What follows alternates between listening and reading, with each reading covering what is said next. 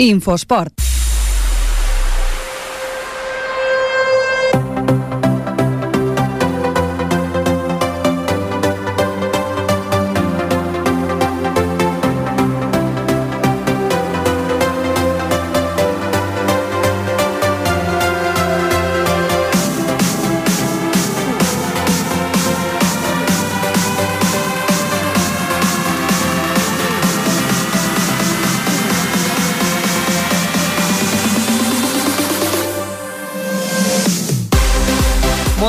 Molt bona tarda, 13 de gener, dilluns, benvinguts una vegada més a l'Infoesport, el programa resum de l'actualitat setmanal dels equips esportius i dels esportistes de Ripollet. Amb l'arribada del nou any tornem a estar aquí amb tots vosaltres després de les vacances. Ha tornat a començar l'activitat esportiva i tornem a ser-hi aquí amb vosaltres per explicar-vos fil per randa tot el que passa a l'esport de Ripollet. Com sempre, Començarem amb els marcadors. Us parla l'Òscar Torrico. Bona tarda. El marcador. I els marcadors ens els porten els nostres companys, el Jordi Soteres. Bona tarda, Jordi. Hola, bona tarda, Òscar. I l'Ester Catalana. Ester, bona tarda. Bona tarda. Vinga, comencem. Comencem el repàs als resultats dels equips sèniors de Ripollet pel tennis taula. A la primera nacional masculina, el Club Tenis Taula Ripollet comença l'any ampliant la seva bona ratxa de resultats. Gimnàstic de Tarragona 2, Club Tenis Taula Ripollet 4. Raül Porta i Álvaro Barreneche van portar la victòria a l'equip que suma 7 triomfs en 9 jornades i està tercer a la classificació, en posició de promoció d'ascens. Anem ara pels resultats de bàsquet i comencem pel bàsquet masculí. A primera catalana, nova victòria important dels del Tatxer. Club Bàsquet Ripollet 74, Bàsquet Molins 64. Victòria important 69, perdó. Victòria important que situa colíder, colíders els blaus en una lliga molt disputada.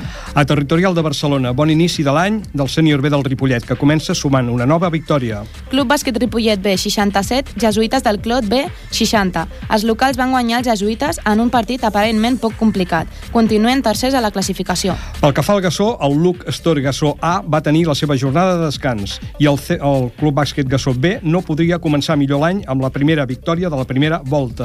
Club Bàsquet Gassó B 68, Club Bàsquet Tau 58. Primera victòria del Gassó davant d'un equip que anava just per sobre d'ells a la classificació. Amb aquesta victòria els hi cedeixen l'última posició al Tau i es col·loquen penúltims a la classificació. Passem al bàsquet femení. A tercera catalana, el bàsquet femení Ripollet guanya de 5 contra les penúltimes de la classificació. Bàsquet femení Ripollet 66, Torrons Vicenç Bàsquet Club Sant Joan d'Espí 61.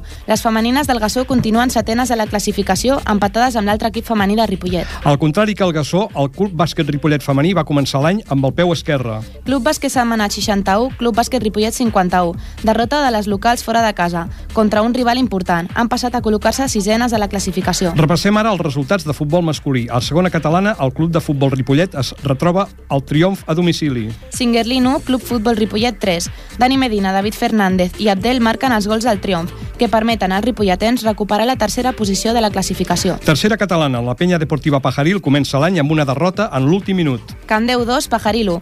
Eros Blanco va començar va avançar el ripolletens al primer minut, però el Sabadell va van donar la volta al resultat en l'últim minut del partit. El Pajaril està en la dotzena posició del grup 6, amb 18 punts, 5 per sobre dels llocs de descens. Seguim a la tercera catalana, on l'escola de futbol base salva un punt també en l'últim minut.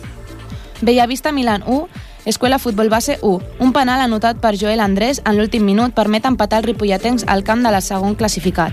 L'escola se situa així en una còmoda cinquena posició amb 24 punts a 10 de la promoció d'ascens. Quarta catalana, el Can Mas comença l'any amb, un, amb una contundent derrota. Can Mas 0, Veterans Catalunya 8.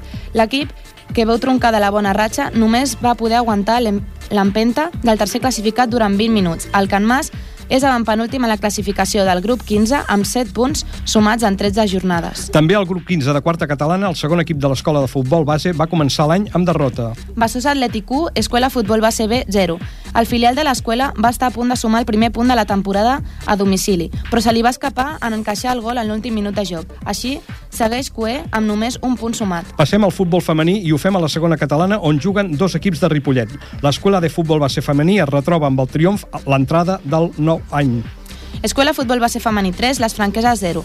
Dos gols de Layal, Layala, un d'ells de penal i una altra pena màxima anotada per Pepi Tirado donen una a novena victòria a l'escola en 12 jornades. L'equip segueix tercer a 3 punts del líder, el Pubilla Casas. Per la seva part, el Club de Futbol Ripollet Femení també va començar l'any amb un bon resultat. El, el Club Futbol Ripollet Femení 1 Fis, Fisove 0. L'equip va sumar la tercera victòria de la, tercera ai, de la temporada amb un solitari gol de Katia Samper. Així, el Ripollet femení escala fins a la novena plaça de la classificació.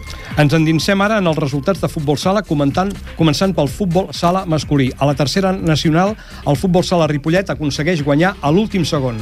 Parets 3, Ripollet 4. 3 gols d'Òscar Prieto, un a l'últim segon i remunten el partit. És més líder. Divisió d'honor catalana, nova victòria del segon equip del futbol sala Ripollet. Ripollet Futbol Sala B 4, Tiburón Castelldefels A Mm, no el tinc apuntat. Zero. Zero, perdó.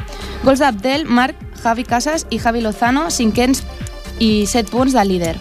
Divisió d'honor catalana femení, segon triomf seguit del Can Clos. Altafulla 1, Can Clos 5. Dos gols de Sònia Blanco i un de Sara, un altre de Yasmina i un de Nerea. Són quartes a 7 punts del liderat. Canviem d'esport i donem una ullada al tennis. Els dos equips de categoria més 18 del Club Tenis Ripollet cauen derrotats a la Lliga Catalana. El primer equip perd per 5 a 0 a la pista del Vilanova i tanca la primera volta amb 3 victòries en 9 partits. El segon equip cau derrotat a casa per dos partits a 3 contra el Centre d'Esport Torribera i també a 3 triomfs en 8 jornades.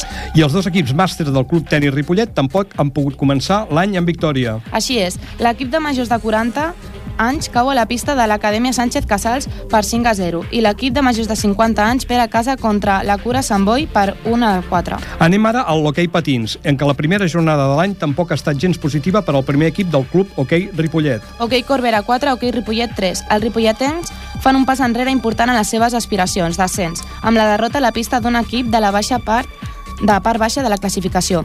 Això els deixa a 7 punts del líder del grup, 4 de la segona catalana, que osten Baix i Sitges. Marxem a l'handbol, on les notícies tampoc són bones. El club handbol Ripollet comença l'any tal i com el va acabar, amb una derrota.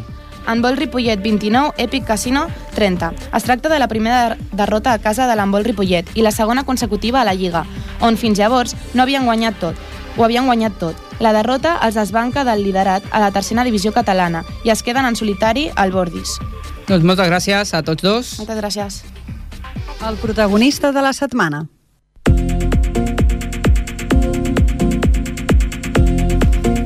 Doncs el protagonista de la setmana, com ens comentaven en el, en el repàs dels resultats els nostres companys, és l'Òscar Prieto, perquè el jugador del futbol sala Ripollet va marcar 3 dels 4 gols que van donar la victòria al seu equip davant el Parets, que era l'altre equip que s'estava jugant al liderat de la categoria d'aquesta categoria de tercera nacional. Tots dos equips s'enfrontaven a la pista del Parets, el Ripollet que va, el Ripollet, perdó, que va anar perdent per 3 gols a 1 a 4 minuts del final, però eh, l'equip va saber remuntar, mai, donar, mai va donar el seu braç a torça i va, va poder remuntar eh, d'aquest 3 a 1, Juan Martín va marcar el 3 a 2 i després dos gols més d'Òscar Prieto, a l'últim d'ells quan faltava només un segon i mig pel final del partit.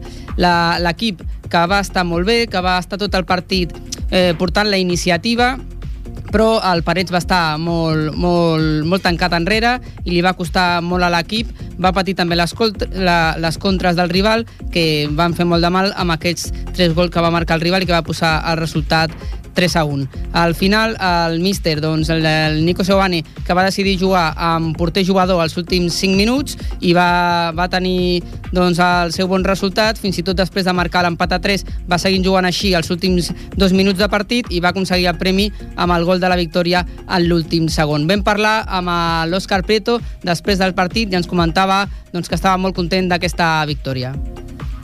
Bueno, Oscar, un triunfo muy, muy importante, ¿no? Y ahí en el último segundo.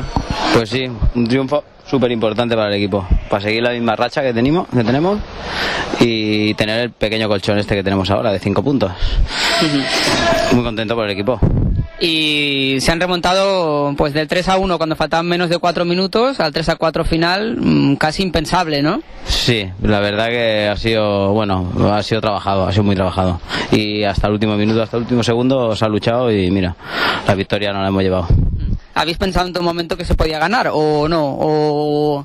El equipo siempre está hasta el último segundo para ganar. A veces se gana, a veces se pierde. Nos pasó con la Monsan y perdimos el último, el último segundo y este partido contra Paredes hemos ganado en el último segundo han entrado al final lo que no ha entrado durante el partido, porque habéis tenido muchas ocasiones y el portero que ha estado muy inspirado de ellos y también que no habéis acabado de acertar en alguna ocasión y al final han entrado todas.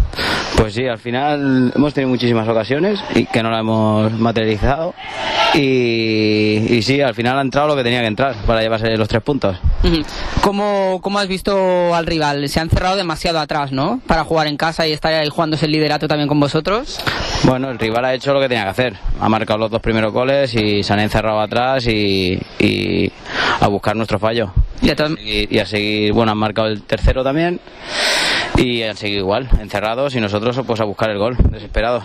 A veces está muy bien con el 0-0 aguantando casi toda la primera parte, qué pena desgracia esa de a cinco minutos del final ese, ese autogol, ¿no? Que os ha roto un poco ahí los esquemas. Sí, dos fallos, hemos tenido dos fallos en la primera parte y lo hemos pagado.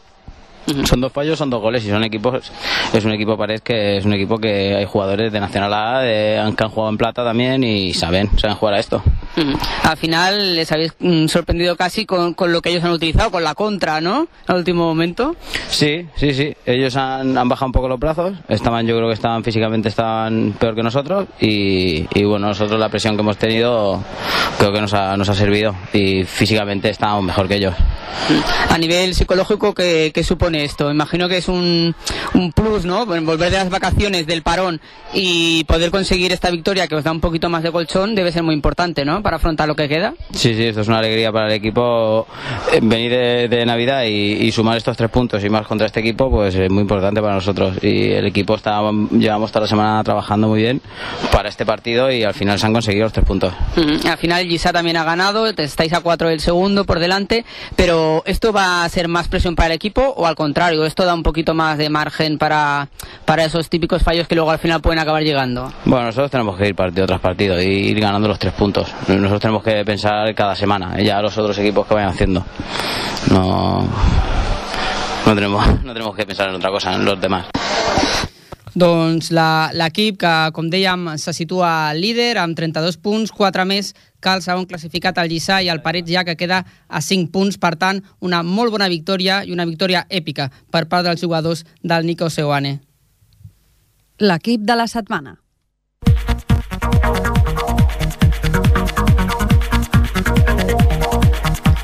Doncs l'equip de la setmana que hem escollit és el Club Bàsquet Ripollet perquè l'equip ha tornat al capdavant de la classificació de la primera catalana després de guanyar aquest cap de setmana. La nostra companya, l'Ester Catalana, ens explicarà com va anar aquell partit que va estar veient. Bona tarda, Esther, de nou. Bona tarda. Com ja hem dit abans, victòria del Ripollet a casa contra el Molins de Rei, 74-69. Era un partit molt important per acabar bé la primera ronda, ja que anaven empatats amb victòries i derrotes amb el rival. I a més a més, el líder, el Cerdanyola, havia perdut contra el Viladecans. Per tant, la possible victòria davant del Molins els col·locaria colíders a la classificació. Al primer quart, tots els equips van sortir a la pista intensos, tant en atac com en defensa. Dels blaus, cal destacar el notable encert de l'Alé Manel Álvarez, que va marcar els 9 punts que obrien el marcador. D'altra banda, van fallar massa passes per l'ànsia de lluir-se, en comptes de jugar un joc fàcil i efectiu. Pel que fa a la defensa, tot i que intentaven parar els rivals, en ocasions els va ser difícil, ja que el Molins té un equip molt jove i ràpid. Tot i això, no van estar tan encertats com els del Tatxer, i el quart va finalitzar amb un 20-12 al marcador. Al segon quart, els visitants van millorar en l'atac amb numeroses penetracions i tirs a 3, fet que va, que va fer que, que va fer apropar-se més al marcador al dels locals.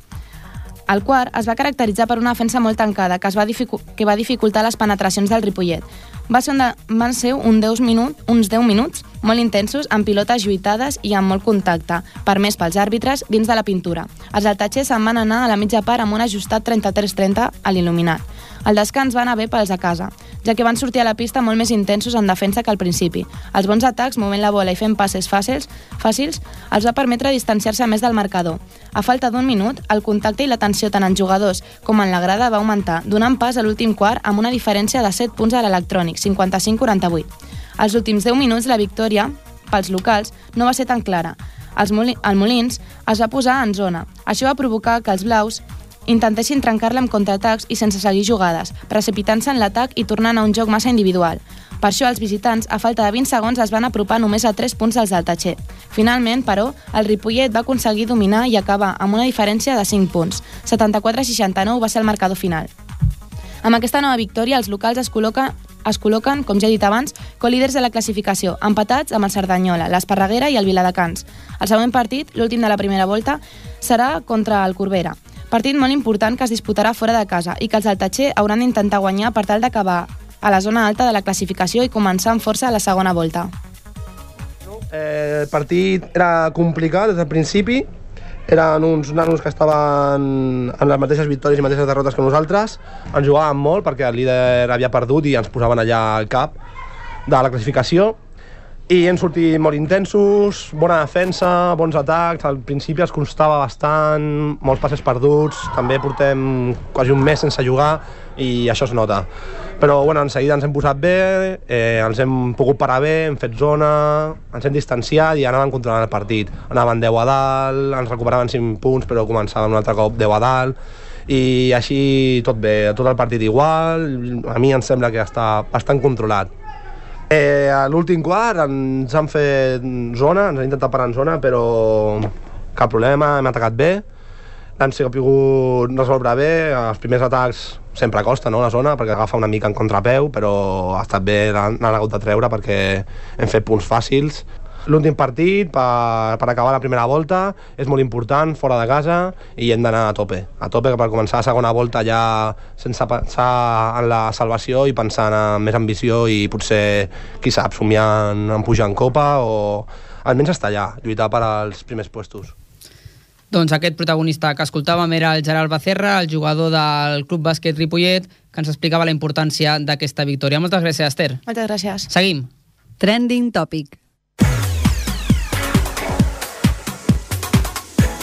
I el trending topic d'aquesta jornada eh, podria ser que el Ripollet doncs, ha començat l'any amb una victòria, una victòria molt important per seguir allà a les primeres posicions de la classificació. El nostre company, el Jordi Soteres, que segueix aquí amb nosaltres. Jordi, bona tarda una altra hola, vegada. Hola, bona tarda. Bona Ens explicarà com va aquest partit. Bé, primer partit del nou any, un partit amb tres gols per part del Ripollet, un del rival, i dels tres gols, dos fantàstics. Un primer gol extraordinari i un segon de YouTube. Un gol fantàstic, fantàstic. La veritat és que va ser fantàstic. De domini total del Ripollet durant tot el partit, el rival es va dedicar a fer un joc de poca qualitat, això sí, amb una gran despesa física, pilota llarga i sempre esperant l'error de l'adversari. El Ripollet té molt clar que juga, també. Dos, tres tocs per fer temps des del darrere i quan té espai, pilota llarga als extrems, joc directe. Mig camp per buscar segones jugades i pel treball defensiu. Puntes estàtics, esperant la passada llarga i a intentar la velocitat a l'1 contra 1 i l'errada del rival. Ara, joc poc vistós, amb molta pèrdua de pilota i molta lluita. Joc, en definitiva, de segona catalana, que pot perjudicar segurament homes de talent com Diego Quesada, entre d'altres. Aquest jugador ahir va ser, per mi, el millor del partit. Sí, un jugador amb força talent, el Diego. Els gols. Fantàstica la sortida des de darrere del central Dani Medina, posa una pilota a l'interior, aquest la posa a banda, i l'extrem fa un centre fantàstic i el propi Dani Medina, deixant la seva, el seu lloc a la defensa, fa un gol impressionant. Al primer temps, el Ripollet va tenir diverses ocasions, entre elles un contra 1 de, amb el porter, que no va acabar amb gol. Segona part, va seguir el domini del Ripollet, i a l'últim terç del partit hi ha un penal clar a favor del Ripollet, amb expulsió del defensa, l'equip contrari queda amb, amb 10, el llança David Fernández, fa el 0-2. Poc va durar el marcador així, ja que 5 minuts després un xut des de fora de l'àrea d'un jugador local va entrar pel pal llarg de la porteria del Dani Cuesta, fent el 1-2. I aquí ve el millor del partit. Gol de YouTube, agafa una pilota Abdel a la banda esquerra del seu atac, fa una petita conducció i sense pensar-s'ho ni un moment etziba un tir des de 25 metres amb la seva cama esquerra, no la bona, que entra pel pal allunyat de la porteria visitant. Segur el gol de la jornada. Un gol fantàstic mm -hmm. i la pena és que no el puguem tenir en imatges perquè és estupendo. Aquest jugador no farà mai més cap gol així. Jo el vaig estar al camp i va ser extraordinari. Doncs moltes gràcies, Jordi. I al final... Sí, de fet, tot és, és, és tot per lo que, és, uh, lo que fa referència al partit. Mm -hmm. Crec que tenim a l'altre costat del telèfon a un dels protagonistes d'aquest partit ahir, un dels jugadors del Club de Futbol Ripollet, el Lluís Bassas. Lluís, bona tarda. Hola, bona tarda. Doncs un triomf important, no?, per començar l'any. Sí, la veritat és que hem començat l'any amb bon peu, però bueno, hem de mirar el següent partit ja, que és contra el Mataró, que és un gran rival també, i seguir sumant, que com fins ara el treball és bo, seguir, hem de seguir mm -hmm. constants. Jordi, tot teu. Hola, Lluís, què tal? Bona tarda. Hola, bona tarda. Mm, Què va passar després del partit amb aquest gol que va fer l'Abdel? Un gol Bueno. tremendo.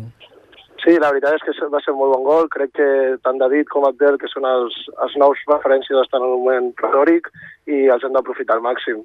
Estem tots molt contents perquè hagi marcat gol i, perquè, i per la victòria de l'equip. Clar que sí. Primer partit de l'any després d'una parada de tres setmanes. Com està l'equip?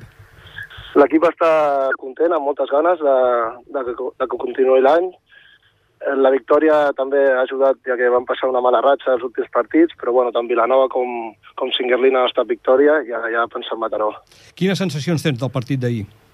Bueno, crec que va ser un partit dur, però molt treballat per part de l'equip. Crec que vam tindre el control de, en tot moment del partit i, bueno, i es va veure reflectit amb gols. Crec que podríem haver matat el partit abans, vam, vam sofrir amb el, amb el 2-1 una mica, però bueno, vam saber matar-lo al final del partit.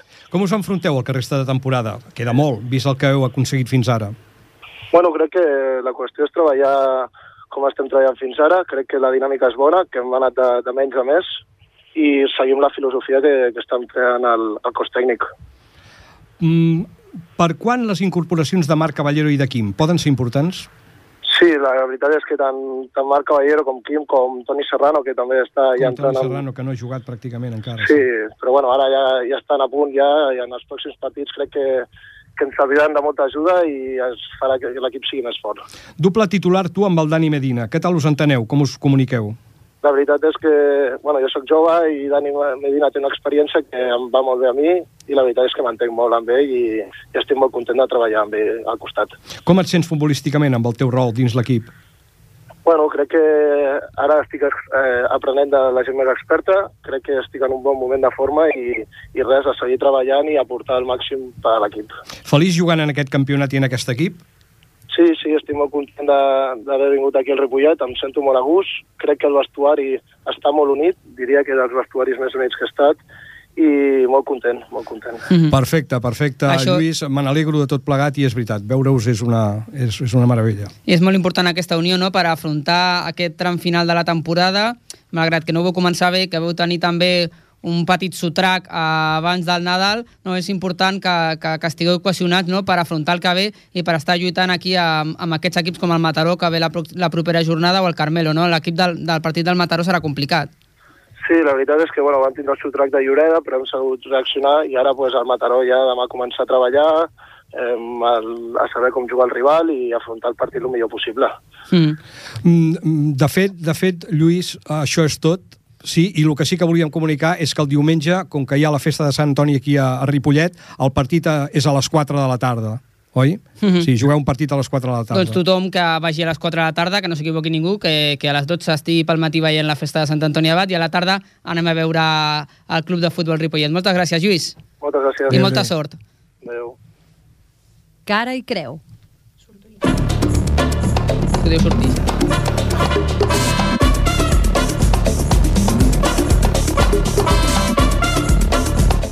El cara eh, d'aquest cara i creu és per l'Escola Futbol Base Ripollet, que, com comentàvem en el repàs dels marcadors, doncs va aconseguir un empat, un punt, però un punt molt important, perquè l'equip anava perdent i en l'últim minut doncs, va aconseguir eh, aquest empat eh, de penal, precisament per part del Joel Andrés l'equip que amb això doncs, està en una posició molt tranquil·la amb 24 punts a la cinquena posició de la classificació, tot i que els primers s'han destacat molt, però l'equip com a mínim doncs, està en una posició tranquil·la, que no ha de mirar cap a la part baixa de la classificació i per tant doncs, encara l'any amb una situació doncs, eh, com dèiem doncs, eh, amb la vista posada més que res cap a mirar cap amunt. Eh, crec que tenim a l'altre costat del telèfon el Joel Andrés, el protagonista del partit d'ahir al migdia.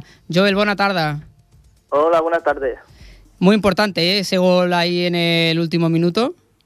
Sí, la verdad es que después del partido bastante duro, con un rival muy fuerte físicamente, eh, supimos reaccionar durante los minutos y bueno, la recompensa en el último minuto fue bastante buena. El Bellavista Milán, que es el segundo clasificado, en su campo era muy complicado y bueno, empatar pues es una, un resultado positivo, ¿no? Para el equipo, sobre todo para los ánimos, ¿no? Para afrontar eh, esta segunda parte del campeonato. Sí, la verdad es que muy positivo. ya que el equipo está con mucha ilusión y bueno, yo creo que el resultado justo, porque el trabajo que hizo el equipo no, no nos merecíamos la derrota, la verdad. El equipo está, está reaccionando bien, ¿no? Eh, se empezó con así un poquito más con más irregularidad, pero el equipo se está mostrando cada vez un poquito más sólido, ¿no? Eh, decíamos que tenéis 24 puntos, como mínimo esto os permite no tener que estar mirando para abajo, ¿no? Y evitar esos nervios que a veces, pues, si no llegan los resultados, mm, acaban, acaba sufriendo, ¿no? El equipo. No, no, el equipo está se ve bastante unido después de este cambio durante la temporada y bueno, con mucha ilusión de mirar para arriba, pasito a pasito, a ver si conseguimos algo. Pero los equipos de arriba están muy, muy fuertes, ¿eh? Sí, sí, están bastante fuertes, pero bueno, tenemos que aprovechar los resultados que estamos teniendo en casa y bueno, ya te digo, el equipo tal como está es capaz de hacer cualquier cosa. Y importante también hacerse fuerte a domicilio, ¿no? Sí, intentar sacar puntos lo máximo posible y bueno, a ver, a ver lo que pasa. Pues que tengáis suerte y que siga funcionando el juego. Muchas, muchas gracias, Joel. Vale, Buenas gracias tardes. ti. Gracias. Buenas tardes. La creu, en canvi, d'aquest cara i creu que us comentàvem, és el Pajaril, la penya deportiva Pajaril, que va perdre per dos gols a un contra el Camp Déu en un partit complicat, en un partit difícil, en què l'equip doncs, va perdre en l'últim minut, també igual que li havia passat a l'Escola Futbol Base, que havia aconseguit el triomf en l'últim minut de penal, doncs el Pajaril va aconseguir, va sumar la derrota per la seva part en l'últim minut, perquè eh, al minut 89 va encaixar el segon gol després d'anar 1 a 1, després de que va estar bastant minuts amb només 10 jugadors, al final al Camp 10 també li van expulsar un jugador, es va equilibrar una miqueta els últims minuts, però va ser precisament quan va arribar el gol de la victòria del conjunt de Sabadell, doncs que, que deixa el Pajaril amb aquesta derrota per començar l'any, una derrota que deixa la situació una mica complicada per l'equip perquè està només 5 punts per sobre dels jocs de descens, però bueno, de cara a les properes jornades l'equip doncs, ha d'anar una altra vegada eh, trobant la forma de joc, sobretot eh, l'equip mm, ha tingut bastants problemes fora de casa, a casa eh, sembla que, que ho està fent bé i llavors eh, haurà de trobar aquest equilibri per, perquè les properes jornades doncs, vagin arribant resultats que, que no obliguin a, a que els nervis doncs, agafin a l'afició i a l'equip en les últimes jornades perquè aquests nervi, nervis sempre són complicats de gestionar. Continuem. Passem del futbol cap a un altre esport.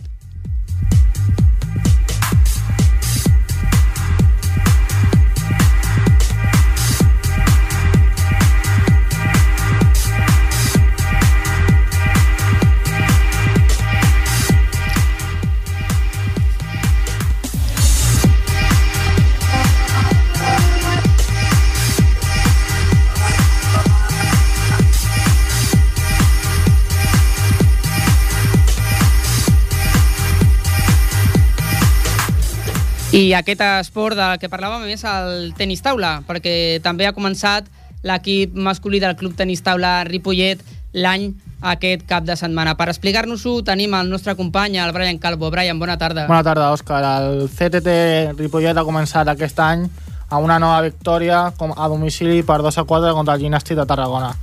El partit en línies generals ha sigut igualat, sobretot a l'inici. S'avançava el Ripollet amb la primera, el primer punt de, per Raül, 0-3. Després Julio va perdre per 3 a 1.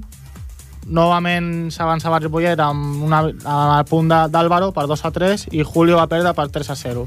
Amb 2 a 2 al marcador es va notar la diferència entre els dos equips i tant Raül com Álvaro van donar els dos punts definitius pel Ripollet amb 1 a 3 i 2 a 3 respectivament. L'equip es situa en, en, novena en, en tercera posició a la classificació, 9 partits jugats, 7 triomfs i 2 derrotes. Té 14 punts i està en zona de descens, que és l'objectiu pel, pel club, sempre i quan l'aspecte econòmic li permeti pujar de categoria. Mm. Està a 4 punts del líder i només comentar que la propera jornada es juga el, aquest dissabte, 18 de gener, a les 5 de la tarda, també com a visitant davant el Vilafranca. Uh -huh. I en la que també començarà uh, la disputa en aquest 2014 l'autoescola Tachepol Ripollet, eh, l'equip femení, que també disputarà, en aquest cas, la seva primera jornada. I ara tenim, posem una entrevista del Raúl Porta, el jugador que ha sigut determinant aquesta, aquest cap de setmana. Comenzáis el año con una nueva victoria, eh, contra el Nastic de Tarragona por 2 a 4 como visitantes. Explícanos un poco cómo ha ido el partido y qué sensaciones has tenido. Bueno, pues el partido eh, parecía que fuera fácil, ya que ellos están en la parte de abajo de la tabla, pero se complicó un poco, ya que hemos notado el parón navideño y fue, fue duro el partido. ¿Habéis notado el, el parón navideño? Eh, ¿Tenéis las pilas cargadas o cuesta arrancar otra vez el ritmo de competición? Eh, en mi caso, personalmente, no he parado y no lo he notado mucho. Pero mis compañeros sí, sí que lo han notado. Una, una, una vez ya falta una jornada para acabar la, la primera mitad de temporada, ¿qué crees que debe mejorar el, el equipo y qué crees que debe mantener al mismo nivel? Eh, mantener, pues yo creo que mantener, pues seguir la línea que estamos y no dejar en los partidos decisivos con los de arriba, pues intentar ganar. Vale, estáis en tercera posición en la clasificación. ¿Es el lugar que deseabais a estas alturas de liga o esperáis subir un poco más? Nuestro objetivo básicamente es quedar entre los tres mejores, pero siempre es, si pues, se puede primeros, pues primeros. El objetivo es el ascenso, ¿no? Sí, si hay dinero, sí. Y para acabar, el próximo partido es contra el Vilafranca.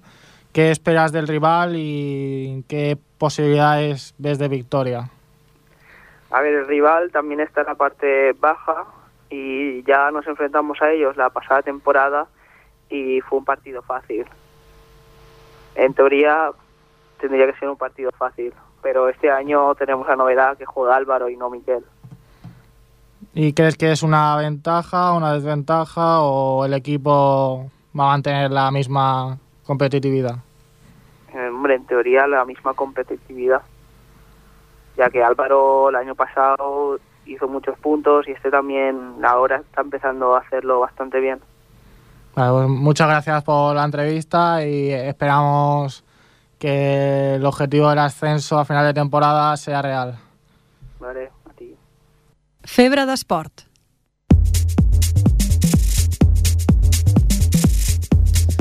Doncs comencem aquesta secció de Febre d'Esports, que com ja sabeu eh, hi té cabida a l'esport de, de base, on els esportistes doncs, ens expliquen la seva experiència amb l'esport. Comencem, com deien, repassant el que va donar sí el Cross Vila de Ripollet, que es va disputar ahir al matí al Parc dels Pinatons. Aprofitant aquesta cita, eh, es disputava un, un any més el Cross Escolar de Ripollet, amb la participació de diferents centres educatius, en concret de l'Institut Lluís Companys i de les escoles Ginestes, Cursell, Gassó, Tiana, Ansel Clavé, Pinatons i Enric Tatxer.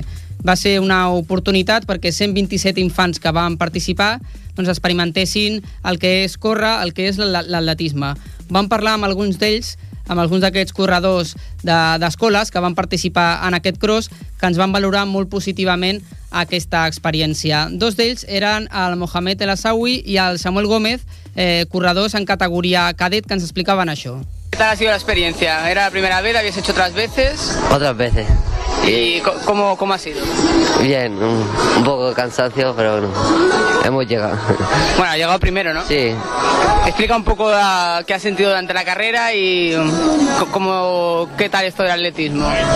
está bien. eh, bueno, se can- cansa un poco, pero hemos llegado. ¿Tú qué tal? ¿Cómo ha ido la, cómo ha ido la prueba? Bueno, por lo general bien, porque hemos corrido contra corredores que son un año más grandes y de, y de atletismo era muy difícil. ¿Y cómo ha sido esto de, de correr? ¿Por qué has decidido participar? Porque el año pasado me apunté a un cross también y quedé primero y vi que me fue bien y que, y que me gustaba correr y decidí apuntarme a correr a ver cómo quedaba este año. De todas maneras no formas parte de ningún club, sino que... Yo voy a fútbol. Mm, Es decir, que juegas otro deporte. Sí, ¿Y no te planteas cambiar? no. A mí es fútbol y ya es lo que más me gusta. I no només els esports, altres esports eh, agraden a aquests nois i noies, perquè també vam parlar amb la Inoa Tauste, eh, una corredora en categoria infantil, i amb el Junes Akazan, que explicaven també que l'escola també té bona part d'influència per, per no ficar-se a fer esport. Escoltem primer a la Inoa.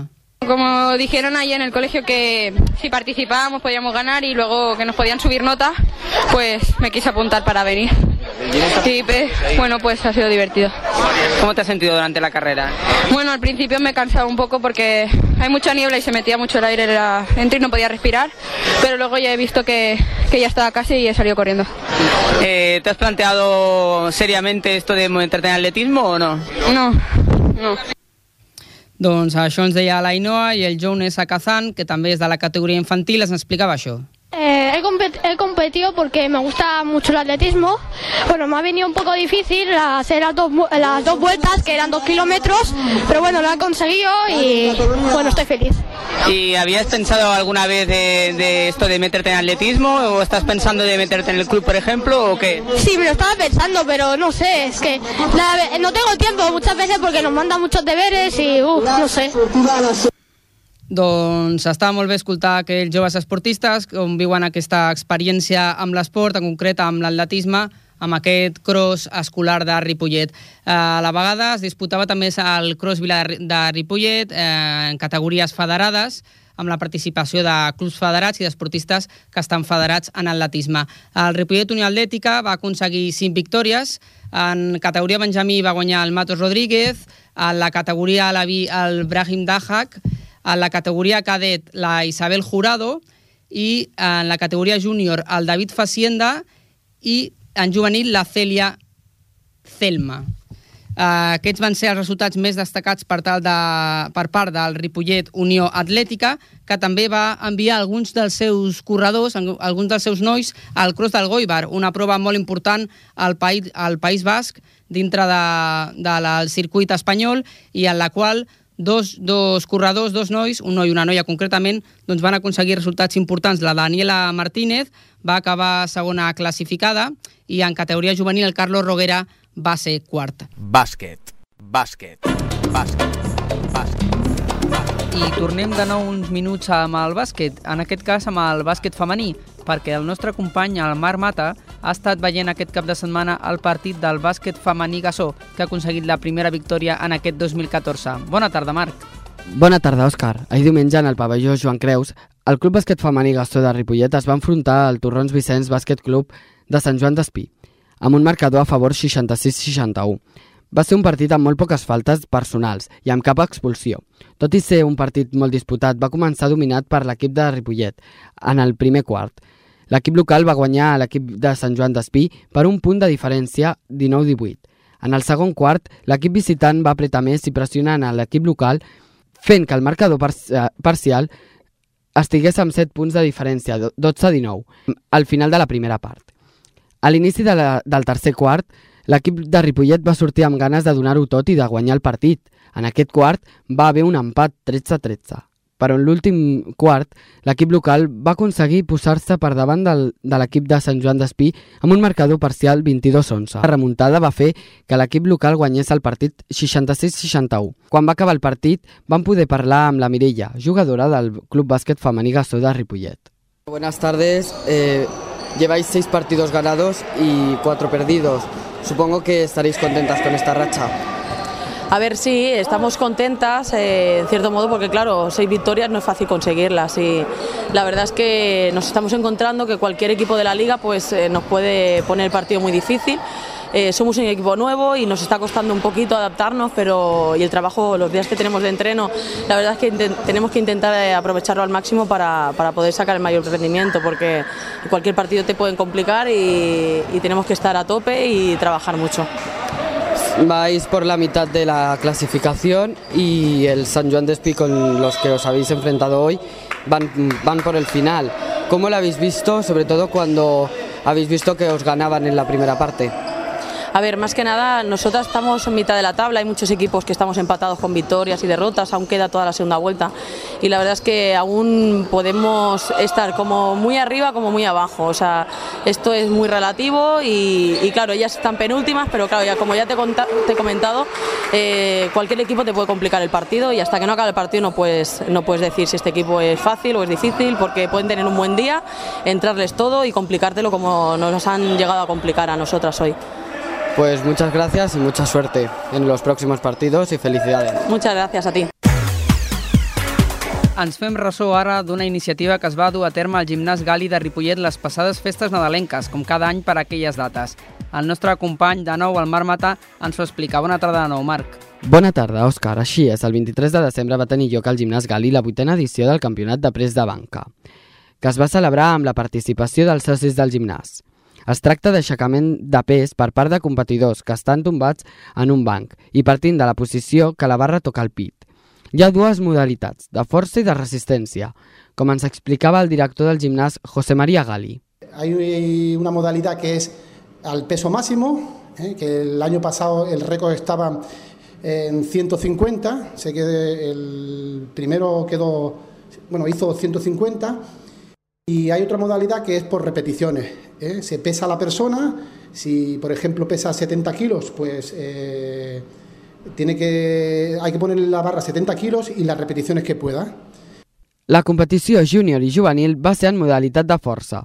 En juvenils, amb participants de 13 a 16 anys, David Zaino i Àlex Egea van aixecar tots dos 75 quilos, però David es va imposar en el desempat. Tercer va ser Alberto Torres, aixecant 70 quilos. I entre els júniors, de 17 a 20 anys, Edgar Arús va ser qui més pes va aixecar, 100 quilos. Just per darrere va quedar Luis Enrique, amb 85 quilos. En categoria sènior en modalitat de repeticions, el millor va ser Adrián Vilatersana, que va fer 28 repeticions amb un pes de 72 quilos i mig. Per darrere van quedar Edu Hidalgo amb 18 repeticions i José Fernández amb 17. El repte de la competició per a les properes edicions és animar les noies a participar-hi, com ens explicava José María Gali, que també ens va respondre si s'han plantejat competir contra altres gimnasos. Sí se puede hacer, lo que pasa que ya están las eh, competiciones de powerlifting y ya están, son oficiales. Entonces, si yo veo a alguno en el gimnasio que lo veo para la competición de powerlifting, que es el levantamiento de tres ejercicios, que es pre de banca, sentadilla y peso muerto, pues entonces sí que lo podemos sacar a nivel oficial.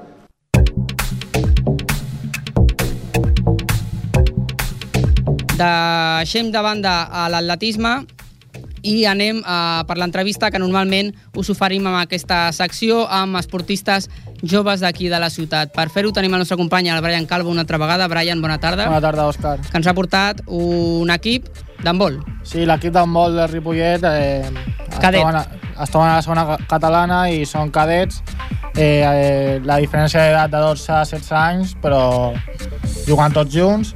I val a dir que tenen 0 punts a la classificació i podem començar ja l'entrevista. Potser millor això ens ho havíem guardat perquè tampoc passava res per no explicar-ho. Bueno, no? però en aquestes categories el que compta és gaudir de l'esport. Per això mateix. Eh, els presentem d'un en un, si us plau, Brian. Sí, eh, aquí tenim el Víctor. Hola, Víctor, bona tarda. Hola, bona tarda. El Raúl. El Javi. Bona tarda.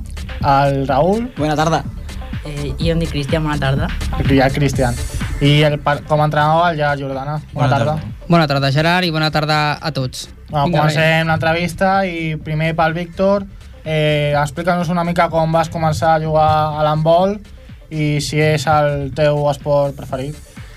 Doncs jo vaig començar a jugar amb vol quan em van manar un treball sobre aquest equip a català i vaig començar a interessar-m'hi i fa un parell de setmanes vaig començar a entrenar amb l'equip i fa poc m'he apuntat a... oficialment. Hmm, és a dir, que estàs començant, no? Sí. I com ha estat aquesta experiència? Molt positiva, la gent és molt maca i no em puc queixar.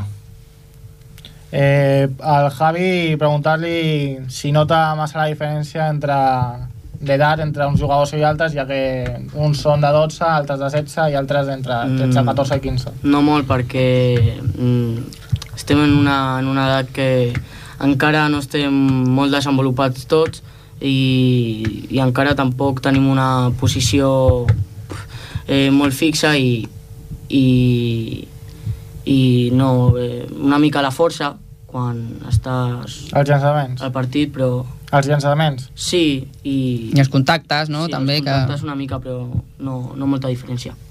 O preguntarle a Raúl qué, qué es lo que más le gusta de este deporte. Bueno, a mí en general el contacto mm, y todo eso. ¿Y, tú, y y tú cómo empezaste a jugar a, a balonmano? Bueno, a raíz de, de mi padre, amigos y, y todo eso. ¿Y es tu deporte fe- preferido? Bueno, no, a mí me gusta más el fútbol, pero... ¿Y lo has practicado el fútbol también o no? Sí, antes de venir a balonmano. ¿Y ahora qué te gusta más? Hombre, el balonmano... Lo que estás haciendo, ¿no? Sí, Siempre lo que estás haciendo, porque si no estarías haciendo otra cosa. Al Cristian. Eh, ¿qué, ¿Qué entrenáis más? Eh, no sé, ¿Qué trabajáis más en los entrenamientos? Bueno, lo que más trabajamos en los entrenamientos son principalmente los pases, porque en los partidos no suelen salir muy bien. Y la defensa, el salir a contactar, el, e intentar interceptar todos los balones posibles. Y básicamente también los contraataques, para salir corriendo para que despistar a la defensa rival. Bueno, al otro Raúl preguntarle en qué, en qué posición juega. Bueno, yo juego en, en el extremo izquierdo, básicamente. A veces me ponen en el derecho, pero en el extremo izquierdo. ¿Y te gusta la posición? Sí, llegan pocos balones, pero los que llegan se intentan aprovechar al máximo. ¿Y por qué, por qué balonmano? ¿Por qué decidiste este deporte? ¿Cómo fue? Bueno, eh, en clase no, comenzando primero, eh, mi amigo Cristian me dijo de probar a venir a entrenar ¿no? cuando se estaba fundando el equipo el infantil. Y Ujú. bueno, nos empezamos a juntar toda la pandilla del Ujú. equipo. Y todos os metisteis ahí y, y os gustó. Sí. Y ahí seguís, ¿no? ¿Cuánto tiempo llevas? Mm, un año. Un sea, año. Un año. Este ya es el segundo. ¿Y habíais practicado otros deportes, Cristian? Por ejemplo, Víctor, no- eh, perdón, Raúl nos decía que sí que había practicado fútbol, ¿el resto habíais hecho otros deportes? Yo sí, también hice fútbol y básquet en la escuela. Ujú. Y ya también en la escuela empecé ya a iniciarme con el balonmano y por eso estoy aquí. ¿Y Javi? Yo sí, he jugado, jugué de pequeño a fútbol, luego a básquet y, y luego ya me interesé por el balonmano. Y en el tema, hablado, nos comentaba Brian el tema de que, bueno, que no habéis conseguido puntuar todavía. ¿Cómo afrontáis eh, la práctica de- del deporte? Javi, ¿cómo afrontáis Pues, esto? A ver, es, es complicado porque jugamos contra equipos que ya llevan varias temporadas y nosotros al aún no tener un equipo formado porque porque hay gente que se apunta, que se va yendo, pues nos cuesta un poco más pues consolidar el equipo, pero mm, la verdad es que te lo pasan súper bien, eh, tanto en los entrenos como en los partidos y es, es- bastante bonito el deporte. Hmm. Raúl, eh, lo importante, eh, como comentaba Javi, es estar ahí, divertirse también y, y pasar un tiempo y estar haciendo una- un deporte más que que lleguen los resultados, ¿o no? Sí. Ah, bueno, los resultados, hombre, si ganaras está bien, ¿no? Pero por perder tampoco, pero eh, te los pasas bien en los partidos, en los vestuarios se pasa bien. Ahí en la charla de los entrenadores y todo eso. En los entrenos cuando corremos, bueno, corremos, algunos y otros no, pero es lo que te diviertes en los entrenos y todo eso. Ahora que ha nombrado los entrenadores, Gerard. Una ¿cómo- pregunta para el entrenador. eh, ¿Qué dificultades destacarían más a la hora de dirigir un grupo de, de chicos jóvenes? Bueno, a ver, las dificultades las ponen ellos. A ver, si el día que están receptivos, pues no hay ninguna dificultad. Si están ahí todos, se ponen en marcha, se ponen las pilas y todo, dificultad ninguna. Porque tú también vas con ganas ahí, que tú quieres enseñar cosas, ellos quieren aprender, todo es muy fácil. ¿Les, les cuesta mucho obedecerte o qué? Esto va días, ¿no? Depende, depende de lo que haya que hacer. Si hay que un día que hay más físico, pues bueno, igual les cuesta un poco más, pero bueno, normalmente hacen caso y bueno, si aprenden algo, pues mejor. Y la otra pregunta que me gustaría hacerte es, ah, bueno, aparte de entrenador también juegas al balonmano. ¿Qué te gusta más? Si es que hay algo que te gusta más. Bueno, a ver, todo tiene su parte buena. Yo llevo jugando muchos años y claro, ver, jugar, tener el balón en las manos, participar ahí en el juego, pues siempre gusta más. Pero a ver, si tú estás en el banquillo ahí de entrenador, también dirigir al equipo, que si les dices que hagan una jugada y la hacen bien y sale bien y meten gol y todo, pues también es bonito. A mí me gustan ambas, co- ambas cosas. Y a raíz de esto que comentas, los jugadores, eh, cuando veis que os salen las cosas, mm, ¿cómo sentís? Porque ah, me imagino que se trabaja, como habéis comentado, que trabajáis muchas cosas durante la semana, habrá cosas que a veces salgan y otras que no. Y cuando salen, ¿cuál es, cuál es la sensación? Pues, Javi, venga. Pues la sensación en el partido es de motivación, de, de querer seguir aprendiendo, al entreno siguiente de querer volver a hacer la jugada, de querer eh, hacer otra, de mejorar lo que se pueda y aprender más. Hmm, Víctor, tú que acabas de llegar y llevas poquito tiempo, ¿se aprenden muchas cosas? Es decir, ¿se asimilan muchas, mu- mucha, muchas las explicaciones y las cosas tácticas y técnicas? ¿O es difícil? Pues ahora que llevo poco tiempo, las cosas fáciles las cojo a la primera, pero las cosas más difíciles de los que ya son más experimentados, pues me cuesta un poquito más, pero le pongo empeño y las acabo cogiendo al final. Por ejemplo, ahora de encajar en los sistemas tácticos o las estrategias, eh, ¿tienes algún problema o te cuesta un poco? Estás empezando, ¿no? Es- es- Sí, eso depende. Hay que acoplarse, ¿no? Imagino, Gerard, que, que también no es fácil ir acoplando gente cada, cada cierto tiempo, debe ser complicado, ¿no? También claro. para... Estás trabajando una serie de cosas con equipo y te llega alguien de fuera que encima también acaba de empezar, tienes que trabajar de una forma distinta con él. No puedes ponerle a hacer según qué cosas al mismo nivel que los otros que ya saben. Tú tienes que empezar también un poco más abajo con él y poco a poco pues que vaya cogiendo ya el ritmo de los demás. Ya para acabar, ¿el balonmano es solo de jugar o también os gusta verlo por la tele? Aunque no lo ponen mucho últimamente, ¿eh? pero de verlo por la tele, que nada, ¿no? Yo- Por aquí dice, hay que hablar, ¿eh? Porque aquí no nos oyen... Va a ser que no. No, Yo ver- ver el fútbol, fútbol. ¿no? Yo la verdad es que sí que me gusta verlo porque se aprenden un poco de cosas y ahora que están empezando Ujú. El eh, europeo, el que, está, que ha empezado ayer, ¿no? Pues es un momento ya. óptimo para que veáis cosas y veáis cómo, cómo se desenvuelven jugadores de, de primer nivel, ¿no? Sí. Raúl. No, Javi, perdón, que ya me equivocaba. Yo, Cristian. Uy, pues tengo un lío aquí con los nombres ya. Cristian, venga, Bueno, el yo- tema de verlo y jugarlo. A mí me encanta jugarlo, pero también verlo me gusta mucho y si en vez de por la tele puede ser vivirlo en persona y tal, pues mejor todavía. Comprar las entradas, ir a un partido, eh, es más, es lo mismo que en la tele, pero sientes más la emoción, el calor de la afición y todo, te sientes como parte del equipo en sí. Raúl. Sí, bueno, a mí me gusta en general más jugarlo, pero verlo también de los profesionales y querer aprender más cosas y, y bueno, apoyar a- aquí al equipo de nuestro mister, pues siempre... Y Víctor, tú, como acabas de empezar, pues jugarlo sobre todo, ¿no? Ahora. Sí, estoy ahora viendo todos los partidos que pillo por la tele y por internet para ver cómo son las jugadas de los equipos y, y ir aprendiendo un poco más. Pues muchas gracias a todos, agradecemos que hayáis venido aquí, gracias Gerard, nos vamos, el lunes a las 7 volvemos.